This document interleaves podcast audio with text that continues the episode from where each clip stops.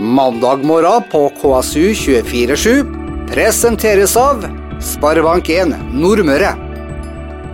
Ny uke, nye muligheter og eh, mandag morgen med næringslivspodkast er klart å for deg å lytte på her på KSU247. I dagens næringslivspodkast så mm, har vi mm, nyheter fra uka som har gått, og det har vært en del eh, ting som kommet frem der. Blant annet skal det satses på kråkeboller med utgangspunkt eh, fra Nordmøre. Det skal bygges kraftverk. Det er kanskje ikke det å satse på eiendomsutvikling eller nye tomter i Tingvoll som er i tida. Du skal også få høre litt om eh, et nytt konsept for rensing av vann, bl.a. Uh, avløpsvann til oppdrettsnæringa.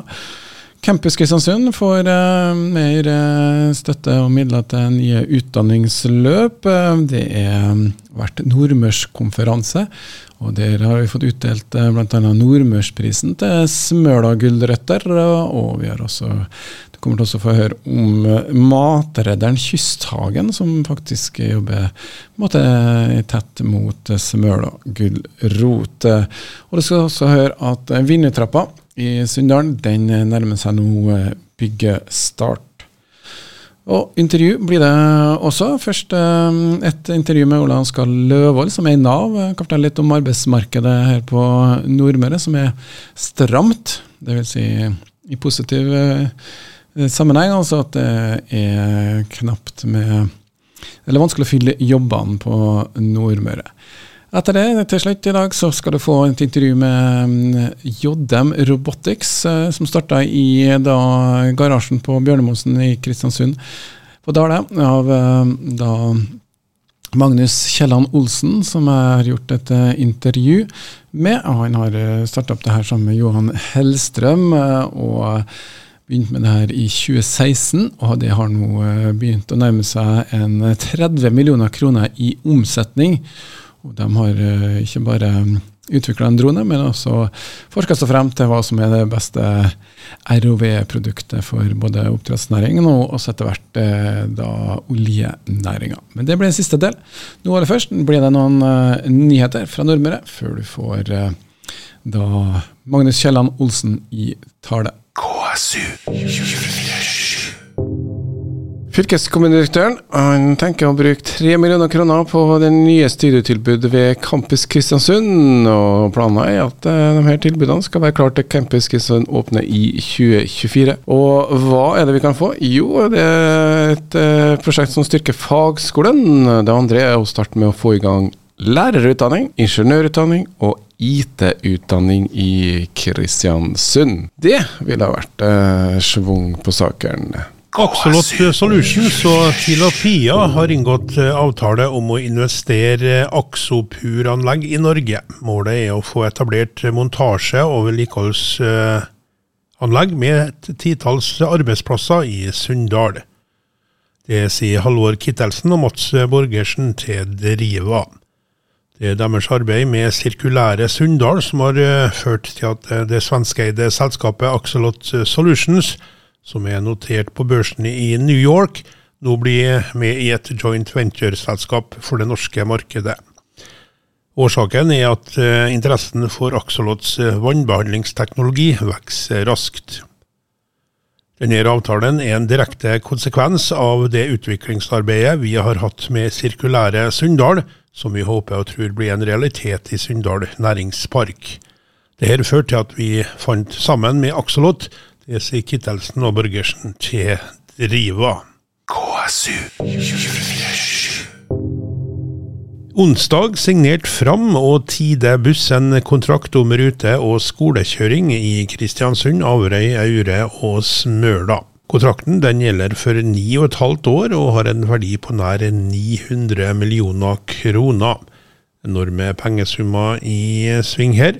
Vi antar da at når ni og et halvt år er gått, så vil nok samtlige busser være elektronisk her i regionen. KSU 247. Kunne tenkt deg å spise litt uh, kråkeboller. Det er litt sånn Jeg kan selvfølgelig åpenbart klar for å teste det, men nå er det i hvert fall i gang med forsøksfangst av kråkeboller i regi av Kristiansundsselskapet Seabed Innovation. Uh, det er Tinn som uh, skriver om det her. Steinar Ludvigsen er daglig leder i det her. og den tidligere eiendomsutvikleren, og bruker nå all sin tid på å jobbe med kråkebolleprosjektet, som han er overbevist om kan bli storindustri i Norge på sikt. Og Han forteller at dette er et viktig skritt videre på veien mot kommersiell utnyttelse av eh, bestanden. Og Kråkeballfangst kan eh, være et bidrag eh, til å også tilbakestille habitatet for oppvekst av fisk, mikrober, skalldyr, alger og flere andre arter. For å få kysttorsken tilbake. Da. Og Det er snakk om å teste noen felt da, som eh, da er i området rundt Tromsø. Og hvis prøvefangsten viser gode resultater, kan vi komme i gang med kommersiell drift allerede til høsten, forteller Steinar eh, Ludvigsen. Da, og utfordringer og det som er vanskelig med kråkeballfangst, kan du lese mer om i Tidens Grav. KSU 20 år etter at eh, prosjektet starta, er det nå klart. Det skal bygges et kraftverk i Øvre Sunndal til 130 millioner kroner. Det melder driva.no. Det kom fram da under et informasjonsmøte mandag kveld, der Småvoll kraftverk la fram planene for utbygging av et nytt kraftverk. Prosjektet ble starta helt tilbake i 2005, og har i lang tid befunnet seg i såkalt juridisk limbo. Prosjektet fikk sin første konsesjon i 2013, og den ble fornya i 2018. 8.3 neste år utløp konsesjonen på nytt, og Småvoll Kraftverk AS har nå virkelig tatt tak i prosjektet, og vil nå starte utbygginga før konsesjonen utløper på nytt. Før 8.3.2023 setter vi spaden i jorda. Så mye kan vi love, det sier Kolbjørn Solheim, som er styreleder for Småvoll Kraftverk AS. Mer om det på driva.no. KSU. Et regnskap over alt tilgjengelig areal som er klar for bygging av hytter og boliger i Tingvoll, viser at det er nok for mange tiår fremover, melder Aura Avis. Plan- og byggesaksbehandler Mai Kristin Vassli i kommunen har laga et arealregnskap over Tingvoll kommunes områder for bygging av hytter og hus. Den viser at med et snitt for bygging på seks boliger i året, er det nok regulerte boligtomter til bygging i 27 år fremover. For fritidsboliger er det snitt på ti nye bygg årlig, som eh, vil med det som er regulert i dag, holde til 31 år fremover. Men det er planlagte områder i kommunens arealdel som gjør at det kan bygges boliger i 58 år fremover, mens det er nok hytteområder til 42 år fremover. Det er viktig informasjon, fordi mange sier at det ikke er ledige tomter å finne, sa Arne Magnus Aasen, Senterpartiet i formannskapet i Tingvoll tirsdag. I arbeid med arealregnskapet i kommunen har det kommet inn 25 ulike innspill, hvor enkelte gjelder mulig sletting av områder og regulerte tomter som ikke lenger er aktuelle å bygge på. Mer om det hos euravis.no. KSU 24 Papirutgaven av Tidens Krav kommer i sommer ut bare tre ganger i uka. Det melder avisa sjøl på sin nettside tk.no. Abonnentene får minst like mye innhold, men fra 27.6 til 21.8 kommer det papiravis bare tre ganger i uka. Tirsdag, torsdag og lørdag. For å sikre at vi bruker mest mulig tid på å lage relevante nyheter og godt innhold til våre abonnenter, reduserer vi antall papirutgaver i sommer, sier sjefredaktør Ole Knut Alnes til avisa. For å få med de viktigste nyhetene økes det i antall sider i forhold til det som tidligere har vært vanlig i juli og august. Mange andre aviser har hatt suksess med dette grepet tidligere. Jeg er ikke redd for at det vil gå utover kvaliteten på vårt produkt, sier Alnes. Så fra 27.6 til 21.8 så blir det papiravis, Tidens Krav, tre ganger i uka, tirsdag, torsdag og lørdag. Mer om det på tk.no. KSU 24 Co-working er et uh, nytt ord for uh, kontorfellesskap, eller i hvert fall det å samarbeide og jobbe i samme sted. Det er i hvert fall et konsept som storbyene har tatt i bruk, men også på mer landlige omgivelser så er det nå gang med co-working. og Bl.a. på Halsa så har Odny Løve, som er selvstendig næringsdrivende og driver firmaet Litt Nybygg, hvor hun bistår med tegninger og veiledning når noen skal planlegge hus eller hytte. Uh, og mer til. Der hun har kontor i Villa Viangen i dag, men uh, i løpet av sommeren skal hun flytte til Stornaustet, der hun skal dra i gang et uh, konsept om co-working, hvor hun har kjøpt opp et konsept som heter Beta. og Det handler om å samle folk da, som er kanskje litt spredt rundt om, og få et kontorfellesskap, eller kontorkollektiv. da, og og Odd, Oddny Løve har stor tro på at det her også kan bli en suksess i Heim, eller eh, Halsa også. da. Hun forteller at eh, Halsa er midt i løypa og perfekt plassert, og det her kommer til å slå an, tror Oddny Løve. KSU 24 å drive med gulrøtter eh, kan gi nordmørspris, men det kan også gi andre priser. I fjor redda Jan Erik eh, Gammelsvik i Kysthagen flere tonn gulrøtter fra havn i søpla. Dette bidrar til at de eh, i forrige uke vant prisen Årets matredder 2022. Og Det er en pris som deles ut av Kumeieriet hvert eneste år. Kysthagen er en liten familiebedrift på Smøla som lager juice og limonade av gulrøtter som egentlig skal kastet, uh, kastes. da. Og eh, For Jan Erik Gammelsvik i familiebedriften så var det her uh, kjempemorsomt, og han mista både munn og mæl da han fikk prisen. og han kjempa en hard kamp mot andre matreddere, som da også fortjente ære, men altså den største prisen gikk til Smøla og Kysthagen, som da selvfølgelig utnytter resten av produksjonen til Smøla gulrøtter. KSU 24 på Ålvereid så uh, ligger det en stadion, Leikvoll stadion, uh, som uh, veldig mange på Nordmøre kjører forbi i gitte anledninger. Der skal nemlig Skarfjell Utvikling nå sette i gang med å utvikle området. Formannskapet og kommunestyret i Sunndal har vedtatt å gi Skarfjell Utvikling da, med Emil Bråten og Morten Strøm i spissen mulighet til å kjøpe det arealet ved siden av Leikvoll stadion. og her skal man satse på å utvikle arealet til næringsvirksomhet. I tillegg så håper man på en ny dagligvarebutikk, kanskje et drivstofftilbud, ladestasjon, garasjeanlegg, bobilparkering og kanskje også en kafé. KSU 24 Smøla gurot er blitt et eh, konsept og ikke minst et produkt som forbindes med kvalitetsgulrøtter, og den produseres jo på Smøla, derav eh, navnet. Nå har eh, de også fått eh, heder og ære, og ble i år tildelt det som kalles for Nordmørsprisen under eh, Nordmørskonferansen her i forrige uke. Det er altså den gamle Orkidéprisen som har fått nytt navn, og som velges ut da vinneren av de åtte ordførerne på Nordmøre som er med i Nordmøre interkommunalt politisk råd. Og I spissen her står Kjell Nergård, bl.a. Og han forklarte at um, årets vinner er Smøla produksjonslag. Og det her er et uh, produkt som uh, har uh, lang tradisjon og ble etablert i 1954. da, Og er den største produsenten av gulrøtter i Norge.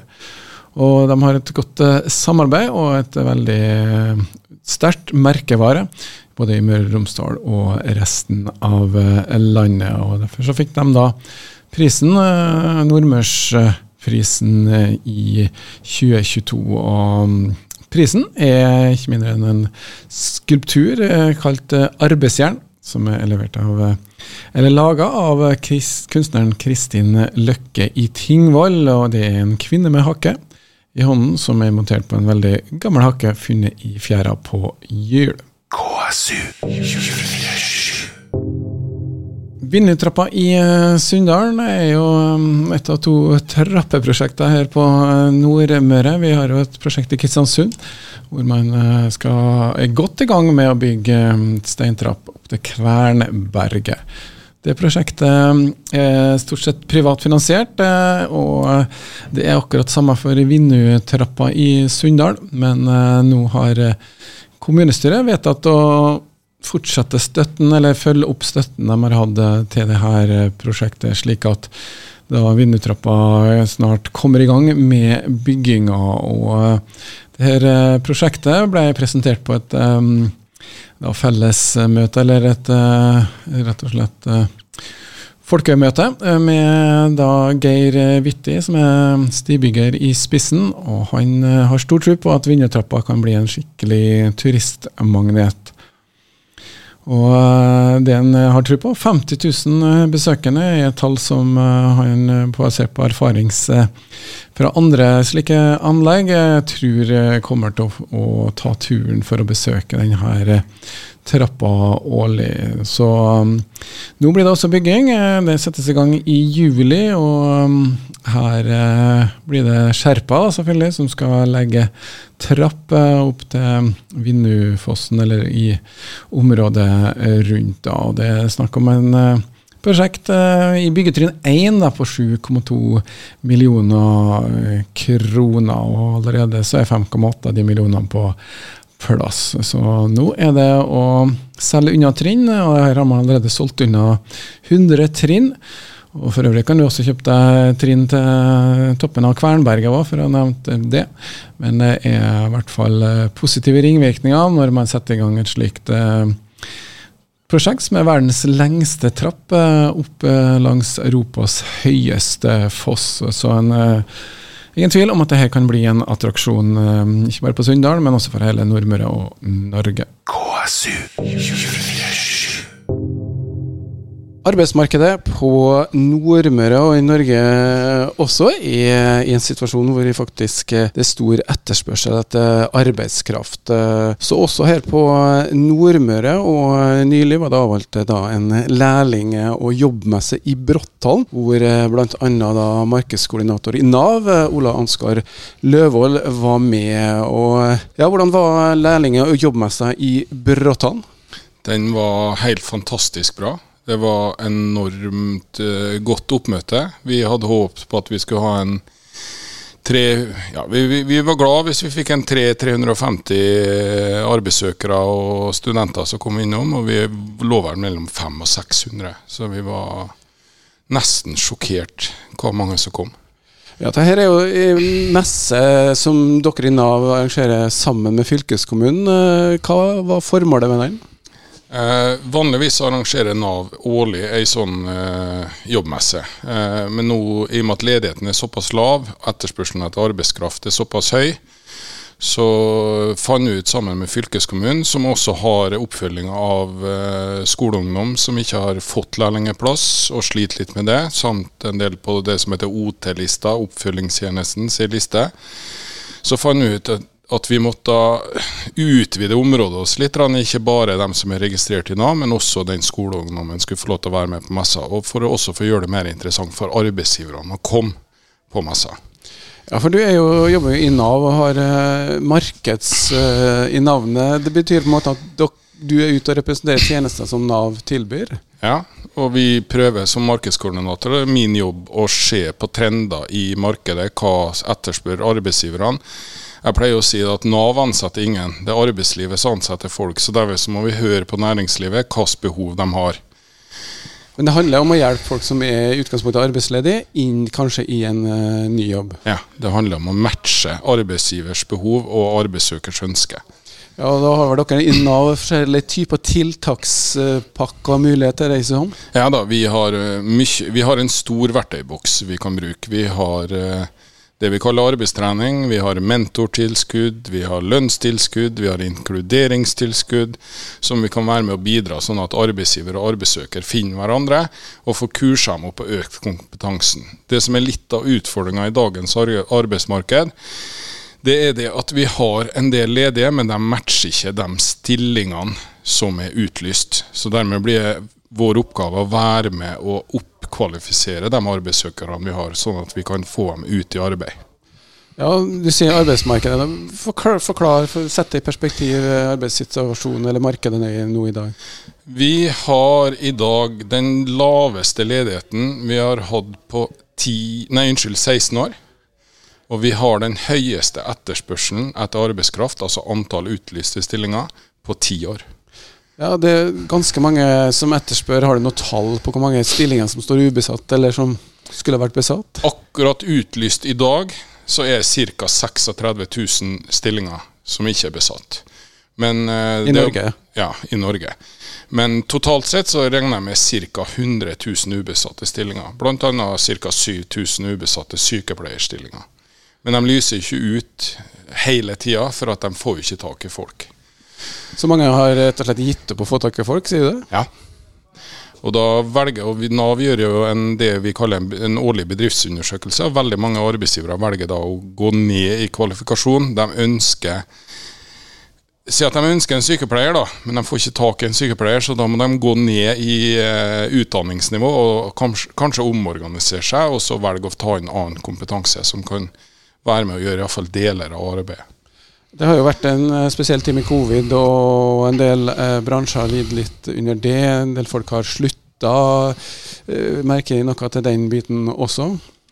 Eh, ikke så mye for arbeidsmarkedet. Nå er det en måned siden direktoratet sa de at ledigheten var nå lavere enn før covid kom. Mens på Nordmøre så var den lavere i fjor sommer. Når skoleungdommen tok ferie, så var ledigheten på Nordmøre lavere enn før covid kom. Så vi lå faktisk et år foran i utviklinga. Så arbeidsmarkedet på Nordmøre var faktisk lite ramma sammenligna med landet generelt. Men det betyr ikke det at vi ikke var ramma, for du hadde hotell og restaurant bl.a. som var, var, hadde veldig tøft en stund. Hvilke bransjer er det som sliter mest eh, nå, da? Å få tak i folk, tenker jeg på. Ja. Nei, hotell og restaurant. Veldig, har stor etterspørsel etter arbeidskraft. Eh, helse, veldig stort. Transportbransjen. Og så har du eh, læreryrkene. Det er altså de bransjene som sliter mest nå. Hvis du ser på dem som på en måte er arbeidssøkende, er det noen trekk der som er felles? Uh? Ja, Der kan vi si at de som har minst kompetanse, er de som strever med å komme seg inn i arbeid. Og Det er også de med lavest kompetanse som mister jobben først når, når markedet går ned. Det så vi på covid, at det var de ufaglærte som mista jobben først, og det er også de som strever med å komme seg tilbake inn i jobb igjen. Så det er klart at hvis du har en eh, kompetanse, altså fagbrevet oppover, så er du mye sikrere i, i arbeidsmarkedet. Du er attraktiv. De vil nødig la deg gå. Og Da er det også det å få tak i eh, folk og tilby dem her Er det noen sånn eh, lysning i denne eh, arbeidsmarkedet? Må vi regne med at det kommer til å være anstrengt fremover? Vi kaller det at arbeidsmarkedet er stramt, altså at det, at det, er vanskelig å få tak i kompetent arbeidskraft. og Det ser vi for oss i mange mange år fremover. Men det, hvordan, kan man, eh, hvordan kan Nav da f.eks. ta tak i en arbeidstaker som ikke har den rette kompetansen? Er det Sette den på arbeidstrening, er det så enkelt, eller må vi sende dem tilbake til skolebenken? I både ja og ja. Eh, noen kan vi ta via arbeidstrening, og så kan de få en eh, opplæring på arbeidsplassen, og så f.eks. gå videre til et fagbrev derifra. Eller noen må ta utdanning. Det er helt klart. Så det er ikke, det er ikke noe verken eller. Her er litt sånn både og for å få det til å gå opp. Eh, etterspørselen etter kompetente medarbeidere er veldig høy. Og vi i Nav har ikke noe Vi er ikke så vi, At én arbeidsgiver får tak i den arbeidskrafta han trenger ved å stjele fra en annen arbeidsgiver, det blir ikke noe plusspill for AS Norge sin del. Men det blir veldig pluss for AS Norge sin del hvis vi henter dem som nå i dag står i utenforskap, altså ikke har jobb. Så slipper vi å betale dagpenger, vi slipper å betale sosialutgifter. De er med og bidrar, og det er en personlig gevinst og det er en samfunnsøkonomisk gevinst. For de aller, aller fleste har veldig lyst til å jobbe. Og har eh, også glede av å, å jobbe sikkert òg, da? Ja, det har de helt klart. Og det er klart at de som har stått i utenforskap lenge, de eh, de, de, sliter, det er tungt. Har du vært ledig over et eh, år, så er det tungt. Du mister litt motivasjon og slike ting. Så for oss er det veldig viktig å få dem i aktivitet og få dem i jobb. og så er de og bidrar i samfunnet. Hvis du ser på arbeidsledighet, så er det jo uh, Statistikkene deres er jo de som er arbeidssøkende. Er det tall, Får tallene liksom frem skjult arbeidsledighet? Er det grupper som kanskje ville vært arbeidssøkende, som ikke er det? Ja, altså, Nå er det jo en gang politikerne som bestemmer hvordan den statistikken ser ut. da, Men vi har det vi kaller helt ledige, og så har vi delvis ledige. Og så har du de som er sykemeldt, og de som er på AAP, altså arbeidsavklaringspenger. Eh, og det er klart, der er også en stor eh, mengde personer som kunne ha vært aktivisert. Eh, sosioøkonomiske forhold. Kristiansund er jo en uh, kommune med bl.a. en høy uføreandel. Er det andre ting som er litt spesielt for vår region? Vi har vel litt eh, Hvis vi skal sammenligne de tre byene i Møre og Romsdal, så er Ålesund og Kristiansund er ganske like sosioøkonomisk. Mens Molde har en høyere eh, andel av utdanna mennesker. Eh, og det her har både his, så mye historiske årsaker bak òg. Vi har vært en, eh, kall det en arbeiderkommune. Eh, nå kan jo det her endre seg betraktelig med campus og satsing. Det er jo litt om arbeidsplassene som har vært tilbudt også. Det er jo lettere i Molde kanskje å få en uh, jobb i fylkeskommune, høyskole, som gjør at man har mer utdanna? Ja, vi har fylkesadministrasjoner, og de sysselsetter mange. Men nå har vi også en økning i, i mer kompetente arbeidsplasser i Kristiansund og på Nordmøre. Eh, men du har da samfunn på Nordmøre som er veldig høykompetent. Sunndal kommune f.eks. har jo forskning, tunge tunge forskningsmiljø som har mye høykompetent eh, kompetanse, eller, ja, kompetanse, rett og slett. Så vi er med på den trenden som handler om utdanning. Eh, er veldig viktig. En del av jobbmessa i går handla om lærlinger. Hvordan er det med ungdommen? Hvordan ser de på muligheten for å få ja, lærlingkontrakt? Det er nå én ting. Hvordan ligger det an der?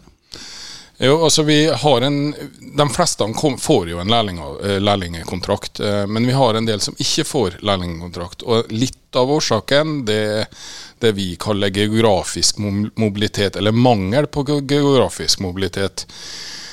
Eh, det kan være en lærling som går i Kristiansund eller på Nordmøre, som, eller Kristiansund og Averøy omegn, som ikke har så lyst til å dra til Sunndalen, men der er lærlingeplassen. Så vi må prøve å motivere dem til å kanskje å flytte litt på seg. Og for arbeidet finnes, men de må slippe litt eh, taket i skjørtegarden til mor eller eh, buksebeinet til far, for å si det sånn. Eller kompisgjengen ja. i helgen. Men det å flytte på hybelen må jo være morsomt også? Ja, og vi ser jo dem som kommer fra det vi kaller distriktet. De er jo vant til å gå på videregående skole i byene. For dem er det mye mer naturlig å pendle inn til byen. Men det er verre å få en bykar eller byjente til å pendle ut av byen.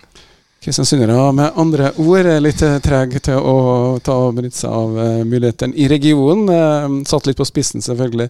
Ja, men, det, men, du har helt rett. Det kan se ut som den psykologiske avstanden fra Kristiansund ut til Smøla er lenger enn fra Smøla inn til Kristiansund. Kristiansundere høy på seg sjøl, skal jeg oppsummere um, i mine egne ord. Det er vel ikke noe nytt fenomen, uh, det. Sånn er det med en uh, bykommune. Men altså, et anstrengt arbeidsmarked. Det vil si at det er tidenes muligheter da, for deg som er ung og vil gjøre deg nye erfaringer. Ja, det er det. Men du er nødt til å ha kompetanse. Enten har du arbeidslyst og vilje til å stå på og lære deg noe, så er det klart muligheter. Det ble siste år, og det var Ola Ansgar Løvold, markedskoordinator fra Nav. Så får vi bare følge med videre hvordan eh, vi skal greie å fylle alle de ledige stillingene, som tross alt er en eh, litt luksussituasjon sammenlignet med at man ikke har noe tilbud til de som søker arbeid. KSU 24 I Bjørnemosen på eh, Torvhaugan i Kristiansund, også kjent eh, som Dale, så eh, var det et par karer som fant ut at de ville tilby litt tjenester under vann. Og det her ble etter hvert til noe som kalles for JM Robotics. Og i dag har vi med oss Magnus Kielland Olsen, som er daglig leder og den som står bak M-en i JM Robotics. God dag til deg. God dag, god dag. Takk for at jeg fikk komme. Ja, Det som er her på morgensendinga og vår næringslivspodkast, så bruker vi å prate litt med folk som eh, gjerne har litt tiltakslyst og engasjert. og dere har jo starta JM Robotics, som Ja, kan ikke du heller fortelle hva er det? Ja, det kan jeg fortelle litt om. Eh, JM Robotics er jo en eh, teknologiutviklingsbedrift og en produksjonsbedrift. Og det vi lager, er det som på fagspråket kalles for ROV, som står for Remote Operated Vehicle. Og Det er jo rett og slett en på moderne språk da, en undervannsdrone, eh, egentlig. Eh, det er et kamera med propeller, gripearm, og dette er jo ting som har eh, vært eh, under vann i, i titalls av år i oljebransjen. Svære, digre ROV-er som man gjør jobber med osv. Og, og, og vi lager små inspeksjons-ROV-er som kan gjøre da, videofilm og inspeksjon og rapporter og den type ting. Og litt småjobber med, med litt gripearm og kan plukke opp ting og flytte et tau. Og, men, men liksom på lavkost siden uh, sammenligna med, med dyre, svære ting som skjer offshore. Ja, for du har jo en bakgrunn fra havet, og å være under vann er noe du er kjent med? Ja, jeg har uh, ca. 4000 timer under vann sammen med laks. Så jeg har definitivt uh, noen årsverk uh, der. Jeg, jeg, jeg flytta til Kristiansund i 2001. Da fikk jeg min første jobb som yrkesdykker. Eh, i det som eh, het Nomas Kristiansund, som i dag er Abyss. Uh, og, og, den gangen så var uh, Johan, min medgründer i JM, J-en i, i, i JM, han, han, var daglig leder i Nomas Kristiansund. Og vi ble fort gode venner. og jeg jobba jo da der til 2005, hvor jeg hadde en liten pause til Østlandet, hvor jeg er fra, Kolbotn. Uh, Johan har jo også vært yrkesdykker, og når han slutta i Nomas, altså slash Abyss, uh, så gikk han videre offshore og jobba med ROV-er og var ROV-supervisor og pilot, egentlig, uh, på, på, oljesektoren i Afrika, norsk sokkel, egentlig verden over. Og, og, det er jo de bakgrunnene vi har liksom tatt med oss erfaring fra når vi lager det vi i dag lager, egentlig. Ja, og dere så jo da et behov i markedet, det som er utgangspunktet for det de satte i gang med? Ja, vi så egentlig et, et svært høl i markedet. Eh, fordi at du, du Altså hav, på hav, havbruk, der hvor vi liksom har vår erfaring, og, og, der hvor vi har dykketimene våre under vann, eh, der var det Det begynte jo å komme litt ROV-er, men, men, det var jo de ROV-ene som kom fra olje- og gassiden. Eh, dyre, tunge, store farkoster. Eh, de små farkostene som fantes, de eh, var egentlig ikke brukbare, for det er ganske krevende forhold, selv jeg mære. Uh. Det er strøm, og det er eh, bevegelige deler, og det er masse fisk, ikke minst. Så en liten farkost med et par propeller, bare, liksom det, du, du klarer ikke å få manøvreringsegenskapene til å egentlig gjøre noe. Uh, og, og, og, og, i tillegg så var de dyre. Eh, så, så, vår greie var jo det å, å, tenke at ok, hvis vi skal gjøre mindre dykkeroppdrag, men mer oppdrag med ROV-er, hvis oppdretteren sjøl skal se seg råd til å kjøpe en ROV til en enkelt lokalitet, så må prisen ned. Ja, det har vært brukt ROV-er i, i uh, sjømat- eller laksebransjen ja. før, men ja. da har man kanskje ledd inn det det? Ja, altså da har du, da har du f.eks. Byss, uh, Frøy, FSV, du har serviceflåten, altså havserviceflåten som man kan kalle det, da, som, som uh, kommer inn og gjør ulike oppdrag. og det er ikke alle de servicebåtene som går som har en ROV, men veldig mange av de har det. Og, og eh, Lerøy og SalMar og disse store selskapene som liksom kontraherer de, de setter jo gjerne det som krav også på en del av båtene, at det skal være ROV på eh, x antall båter. ikke sant? Fordi at de, eh, de, når de går på flytekragen og, og kikker inn i merda si, så ser du, hvis du har flaks to meter ned i vannet, da, og så ligger 99% av verdigrunnlaget ditt det er jo under vann. Så, så, det å ha nok ROV-er, dykkere osv. Men, men det er klart, du har jo ikke dykkere og ROV til stede. da. Du må tilkalle det. Eh, og det koster jo 30 000-40 000 kroner det, å tilkalle en dykkerbåt. Selv om de bare er der en time eller to, så det, det blir kostnaden av det. Så, så, det å kunne sjekke ut noen avvik, og det å kunne få litt kontroll, ta noen gode avgjørelser eh, Vi hadde et eh, vi hadde et, et, et, uttrykk tidlig når vi, i 2017, så tror jeg vi liksom sa 'raske øyne under vann'. Eh, ikke at øynene trengte å være så raske, men at du har dem raskt. da. Ja, tilgjengelig, så Eh, egentlig- tilgjengelig. Eh, og, og da, må du, da må du ha noe på lokaliteten. På fòrflåta di så må det stå en liten ROV da, som du ganske kjapt kan rigge opp og kaste uti, og få sett det du lurer på. Og det kan jo godt hende at det ender opp med å kalle inn en dykker. For det viste seg at oi, her er det tull, eller der er det en, et eller annet avvik som vi må få fysisk hjelp til å fikse. Klarer ikke det med den lille ROV-en, men vi fikk tatt kvalifiserte avgjørelser, og det er liksom det vi har jobba mot. Og, og klart å liksom ta kostnadene ned fra eh, 1,6 millioner for å bruke Anes ROV i 2015 liksom, som en bra ROV, liksom. Og, og de fins enda og er fortsatt bra. Men hvis vi kan levere like kapable ROV-er til 150 160 000 og oppover isteden, så er vi på et helt annet sted. Og det er det vi har fått til, da. Og da er det lakse, eller eh, de forskjellige ulike selskapene. eh, Du sa at det var et stort hull her. eh, Mange lokasjoner, da?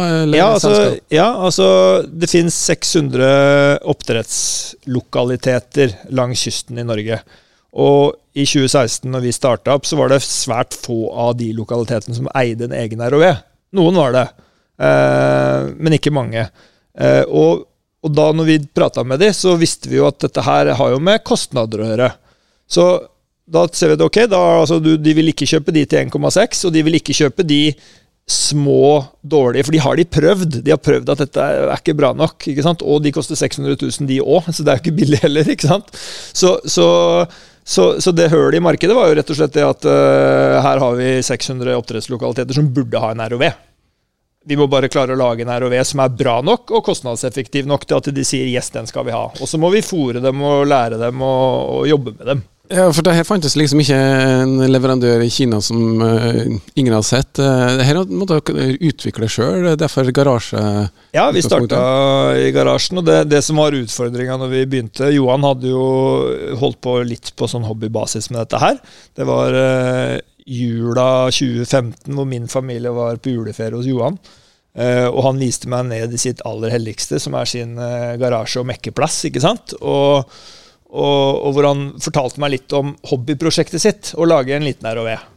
Uh, og, og, og da tenkte jeg det her må det jo gå an å lage noe ordentlig business av. For det, det som han sa den gangen, var at den store utfordringa er å finne trøstere, altså propeller, som er billige nok til at du kan klare å lage farkosten billig. fordi at for å gjøre en ROV manøvreringsdyktig, så må du ha mange trøstere på den. På vår så er det minimum åtte.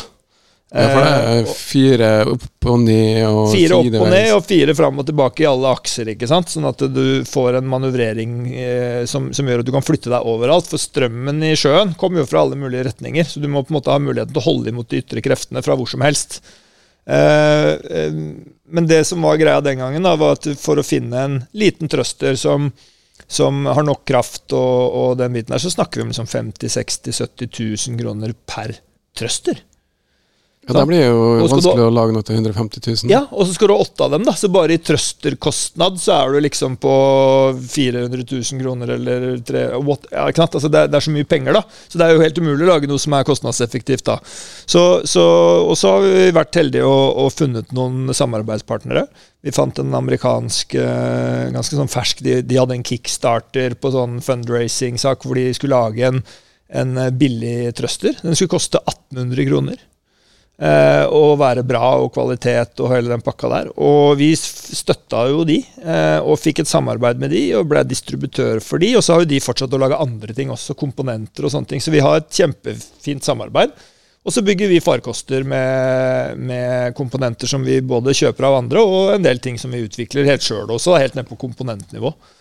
Ja, og, og da utgangspunktet finn deler, sett dem sammen, lag god nok kvalitet. eh, Men det er jo en oppstartsbedrift, og vanligvis vil en sånn utvikling eh, ta mange år hvis du skal putte inn i en stor bedrift eller eh, et Ja. selskap. da. Ja, vi, vi hadde jo med oss litt grann sparepenger, og så lånte vi 400 000 kroner av Nordea. Eh, for å kunne kjøpe litt varer og ha litt varelager og ha komponenter og deler som vi skulle bygge med. Eh, men, men vi visste jo det at vi er nødt for å få solgt ting tidlig. Så vi kunne liksom ikke gå inn på noen sånne store, lange utviklingsløp fra starten av. Eh, så vi, vi liksom cut to the chase. Hvordan, hvordan ville vi hatt det sjøl hvis vi fortsatt var på mærekanten og var dykkere og skulle ha med oss en ROV? Hvordan skulle den vært? Hva, hva skulle den kunne brukes til? Hvilke materialer? Sant? Plastikk istedenfor metall. Gjør den lettere, enklere. Mindre oppdriftselementer trenger du å ha på den. Så vi, vi starta rett og slett med å sånn hogge til litt med øks, nesten. Og så, og så hadde vi god dialog med Lerøy, f.eks., som vi, vi, kjente litt driftsledere, for vi har jo jobba i den bransjen, så vi hadde jo kontakter. Så vi fikk jo fort uh, salg da, på noen ROV-er. Og så har vi jo videreutvikla og jobba med det, men, men, skjønt også at det er klart, her, vi, her, er kunden med på litt av reisen. Vi, vi, utvikler tett sammen med kundene våre, basert på deres behov, og ikke minst tilbakemeldinger på hva som virker og ikke virker. Og så, og så må vi da samtidig bygge opp en god serviceorganisasjon som klarer å eh, fikse og reparere raskt og, og, få ting tilbake, sånn at de får disse kjappe øynene under vann på plass igjen. Fordi alt under vann går i stykker, så det trenger service. Ja, altså I programvareutviklingsbransjen så har du sånn beta-versjoner. Er det litt sånn lignende? At de lanserer på en måte en nesten ferdig vare, og så altså, utvikler de vi, vi, vi, har nesten Vi kan vel si det sånn at eh, alle prototypene vi har bygd Kanskje ikke prototype 1, men si prototype 2, da, som er liksom eh, det, det, De har blitt solgt. Uh, og, så, og, så, selger du beta-varianten, og da har vi kalt de for beta egentlig ganske lenge. For det skjer jo en del sånn videreutvikling, og så kaller vi en tilbake for å gjøre noe endring. Kanskje vi bytter ut mm, store komponenter basert på eh, behov og tilbakemeldinger fra kunden, og ting vi oppdager sjøl. Og, og, så har vi kundene med oss som aksepterer dette, her, fordi at da veit de at de ligger jo helt foran i utviklinga og drar jo nytte av det. og, og de får ting i merdene sine mye raskere enn hvis vi hadde hatt med oss en en rik onkel med millioner i baklomma, som hadde fora oss med penger for å utvikle, ja, da hadde jo kanskje ikke Johan vært ferdig med den første ROV-en enda, ikke sant? for han blir aldri fornøyd, fordi at du har penger til å utvikle. Perfeksjonisme kan være en liten uh, fare her. Så, så, da er det altså 2015, og så går det et par år før de setter i gang og virkelig kommer i gang. Eh, hvordan gikk det i oppstarten, da?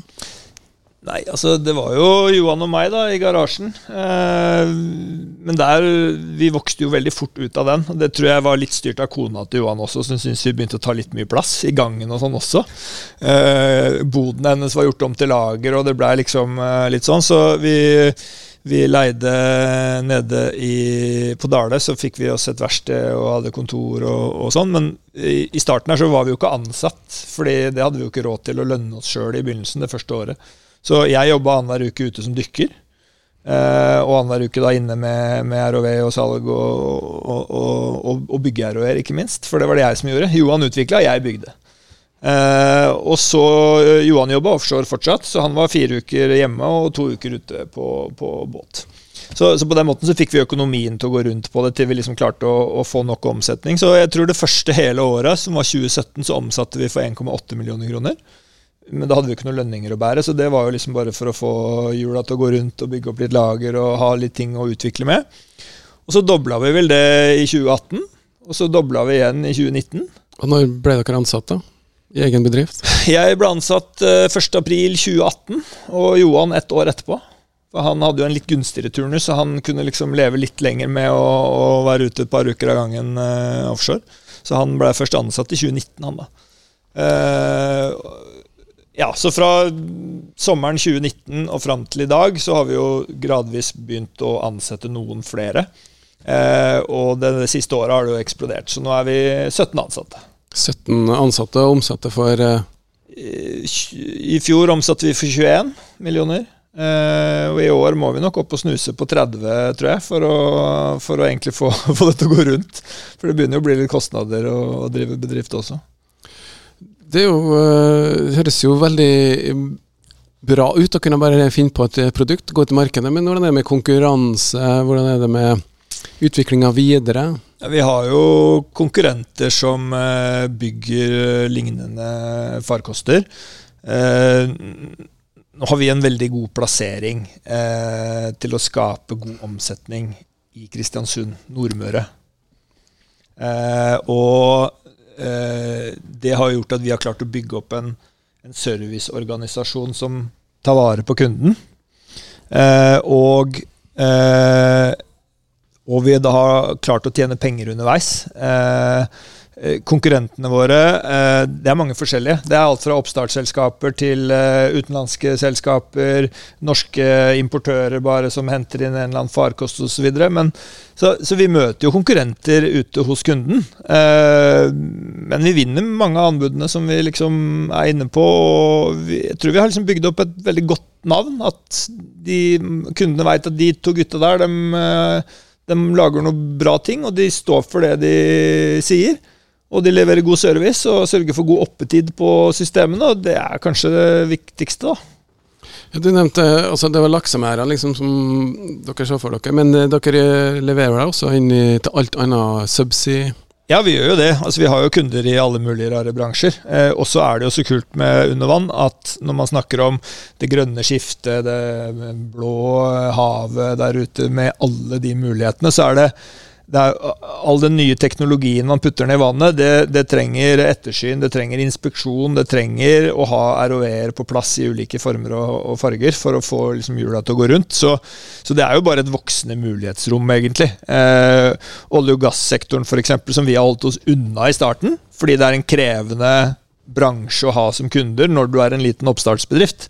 Eh, de begynner, vi, altså de begynner å lukte på oss, og vi begynner å lukte på de nå. fordi at nå har vi kommet opp på et litt høyere nivå.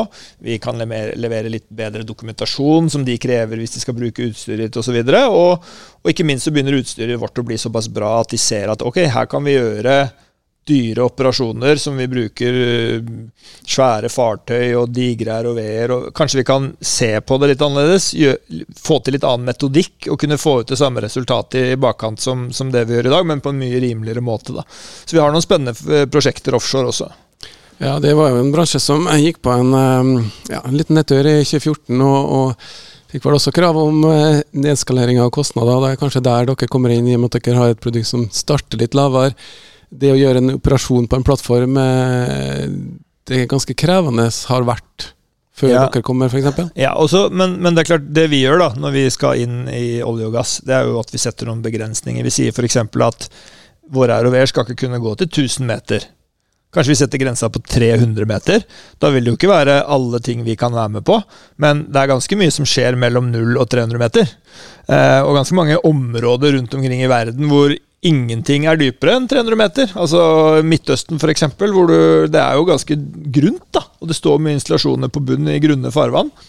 Eh, og, og, og, det har jo resultert i at vi plutselig så ser deler av oljebransjen at vi kan jo da faktisk muliggjøre ting de store ROV-ene og båtene ikke kan gjøre, for det er jo begrensa hvor grunt vann. Så ilandføring av kabler, f.eks. Eh, det er ikke så lett å få inspisert det med en diger båt, og sånne ting, men der kommer vi inn i bildet med litt mindre farkoster, mindre mannskap, mindre båter, og kan utføre den type ting. Da. Så det er liksom sånn endring på gang da, som de begynner å se til. Ja, nevnte andre områder. Det er, det internasjonalt marked dere opererer i? Vi har vært mest i Norge. Mest, eh, altså det har vært mest havbruk, mest i Norge. Vi har solgt noen ROV-er til eh, Skottland. Eh, de har jo like mange oppdrettslokaliteter som i Norge, det er bare at de har litt andre regler. så De har litt, de har litt mindre mærer, litt flere mærer kanskje per lokalitet. De er litt grunnere. Eh, litt sånne ting, Men det, det har jo et potensial. Eh, ellers så selger vi jo til liksom en del andre bransjer også rundt i Europa. Eh, men det er klart, når man begynner å se på det i det internasjonale, så har du jo et mye større konkurrentmarked hvis du går ut av Norge. Eh, når det gjelder olje og gass og den satsinga, så blir det kanskje internasjonalt først, før Norge. For i Norge har du veldig høy teknologihøyde, mens du kan kanskje gjøre en ting i Afrika med vår teknologi eh, bedre enn det de gjør i dag, på, på sett og vis, og i hvert fall billigere. Eh, så, så, når det gjelder det markedet, så starter vi faktisk i utlandet, og, og får heller håpe at vi kan ta det hjem etter hvert også. Det høres eh, fantastisk ut med både vekst og omsetning, eller går opp, da, men eh, hvor er dere om en tre-fire år? Hovedkvarteret fortsetter i Kristiansund, håper vi? Alltid. Alltid Kristiansund. Uh, så lenge vi har aksjemajoritet og eier og er med å bestemme, så skal vi sørge for at det altså, Et av målene våre når vi, når vi starta opp, så la vi en litt sånn filosofi på hvordan bedrift har vi lyst til å bygge. Og det skal være en bedrift som, eh, som eh, det er gøy å jobbe i. Eh, hvis du går i Kaibakken lørdag, og så møter du en eh, kompis som du ikke har sett på lenge, og så sier han 'Hvor jobber du?' Jo, jeg jobber i JM. Da skal han kompisen svare 'Å, fy fader, det er kult. Der har jeg hørt at det er gøy å være'. Det er jo på en måte det vi har lyst til å, å, å bygge opp, og som kanskje er litt til forskjell fra andre bedrifter. Eh, så det er ikke bare å tjene penger som liksom er viktig for oss. Så se for deg en moderne hjørnesteinsbedrift med om 35 år si at vi er 40 ansatte. Vi produserer det aller meste sjøl i egne lokaler i Melkvika.